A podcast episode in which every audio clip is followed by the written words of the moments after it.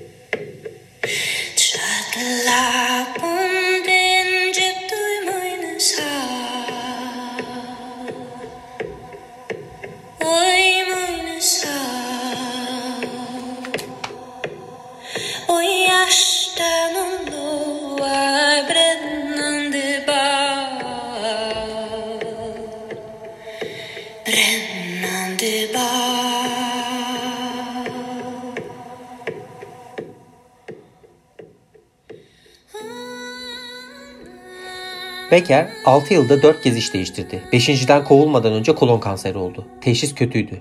Sonraki birkaç yılı yatakta geçirdi. Yaşamak için fazla umudu yoktu. Bunun üzerine bir kitap yazmaya karar verdi. Bu kitap ölüm hakkında olacaktı. Becker 1974 yılında öldü. Kitabı Ölümün İnkarı The Denial of Death Pulitzer ödülü kazandı ve 20. yüzyılın en önemli entelektüel çalışmalarından biri sayılmaktadır. Psikoloji ve antropoloji anlarını sarstı. Bugün bile önemini sürdüren derin felsefi iddiaları vardır. Ölümün inkarı iki nokta üzerinde durur. 1. İnsanlar soyut bir biçimde kendilerini kavramsallaştıran ve düşünen yegane hayvanlardır. Köpele, köpekler oturup da kariyerleri konusunda endişelenmezler. Kediler geçmiş hatalarını düşünüp bir şeyi farklı yapsalardı ne olacağını merak etmezler. Maymunlar gelecek olasılıklar hakkında tartışmazlar. Tıpkı balıkların daha uzun solungaçları olsaydı başka balıklar onları daha çok severler miydi diye düşünmedikleri gibi. İnsanlar olarak kendimizi varsayımsal durumlarda hayal edebilme yetisiyle kutsanmışız. Geçmişi ve geleceği düşünebiliyoruz. İşlerin farklı gidebileceği başka gerçeklikler ve durumlar hayal edebiliyoruz.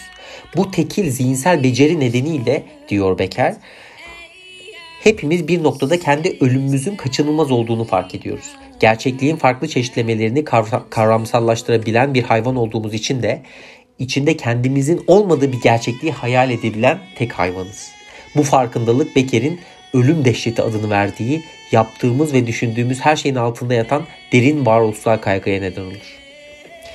Becker'in ikinci noktası bizlerin iki benliği olduğu iddiasıyla başlar. İlki fiziksel benliğimizdir. Yiyen, uyuyan, horlayan, kaka yapan. İkinci benliğimiz kavramsal benliğimizdir. Kimliğimiz, kendimizi nasıl gördüğümüz. Becker'in savı şudur. Hepimiz fiziksel varlığımızın öleceğini az çok biliriz. Bu kaçınılmazdır ve bilinç dışında bizi fena halde korkutur. Fiziksel benliğimizin kaçınılmaz olarak yok olmasından duyduğumuz korkuyu telafi etmek için de edeb- ebediyen yaşayacak kavramsal bir benlik inşa etmeye uğraşırız. Bu nedenle insanlar adlarını binalara, heykellere, kitap sırtlarına koyabilmek için çok uğraşırlar. Bu nedenle bir sürü şeyimizi başkalarına, özellikle de çocuklara veririz. Etkimizin, kavramsal benliğimizin fiziksel benliğimizden çok öte, ötesine uzanmasını arzu ederiz. Fiziksel benliğimiz ortadan yok olduktan sonra da hatırlanmak, saygı görmek ve idolleştirilmek isteriz. Becker bu çabalara ölümsüzlük projeleri adını vermişti. Bunlar kavramsal benliğimizin fiziksel ölümümüzden çok sonra bile yaşamasına olanak veriyorlardı. Ona kalırsa insan uygarlığının tamamı temelde ölümsüzlük projelerinin sonucuydu. Bugün gördüğümüz tüm kentler, hükümetler, yapılar, otoriteler bizden önceki kadın ve erkeklerin ölümsüzlük projeleriydi. Ölmeyen kavramsal benliklerinden kalanlardı. Hazreti İsa, Hazreti Muhammed, Napolyon, Shakespeare günümüzde bile yaşadıkları dönemki kadar hatta çok daha güçlüydürler. Tüm mesele de budur bir sanat formunda ustalık kazanarak, yeni bir toprak fethederek, çok zengin olarak ya da sadece nesillerce yaşayacak geniş ve sevgi dolu bir aile kurarak ne yaparsak yapalım hayatlarımızdaki anlamın tümü içimizdeki bu asla gerçekten ölmeme arzusuyla şekillenir. Din, politika, spor, sanat, teknolojik yenilikler insanların ölümsüzlük projelerinin neticesidir. Becker'a kalırsa savaşlar, devrimler, kitle katliamları bir grubun ölümsüzlük projeleri ötenin ötekininkilerle çalış, çatıştığında olur. Yüzyıllar süren baskılar, milyonların katledilmesi, her bir grubun ölümsüzlük projesinin bir diğerinkinin karşısında savunması olarak haklı gösterilir. Ölümsüzlük projemiz başarısız olursa, anlam kaybolursa kavramsal benliğimizin fiziksel benliğimizden sonraya kalma ihtimali ortadan kalkar ya da bu ihtimal azalırsa ölüm dehşeti o korkunç, depresif kaygı zihnimizi ele geçirir. Travmalar, utanç, toplum önünde gülünç düşmek gibi şeyler buna neden olabilir. Beker'in işaret, ettiği gibi zihinsel hastalık.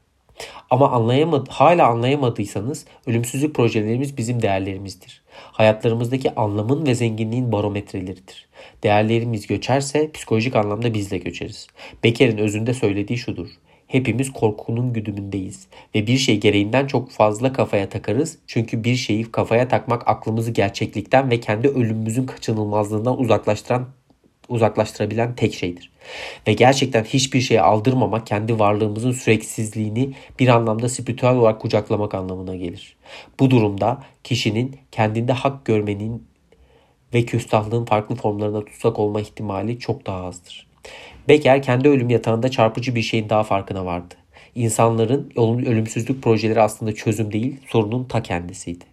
İnsanlar ölümcül güçler kullanarak kendi kavramsal benliklerini tüm dünyaya dayatmaktansa kavramsal benliklerini sorgulayıp kendilerini ölümleri konusunda biraz daha rahat hissetmeliydiler.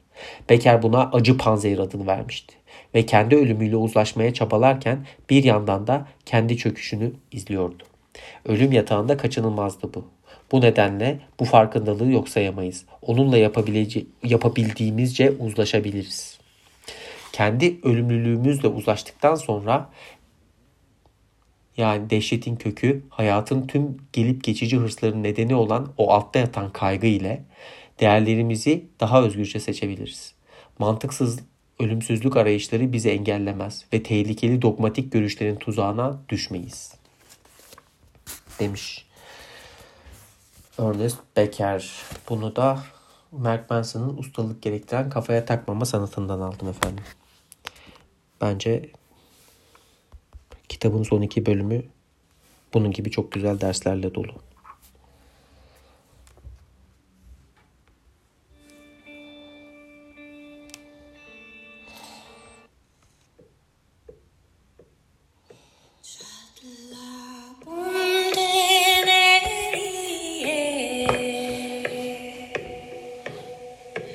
Eh.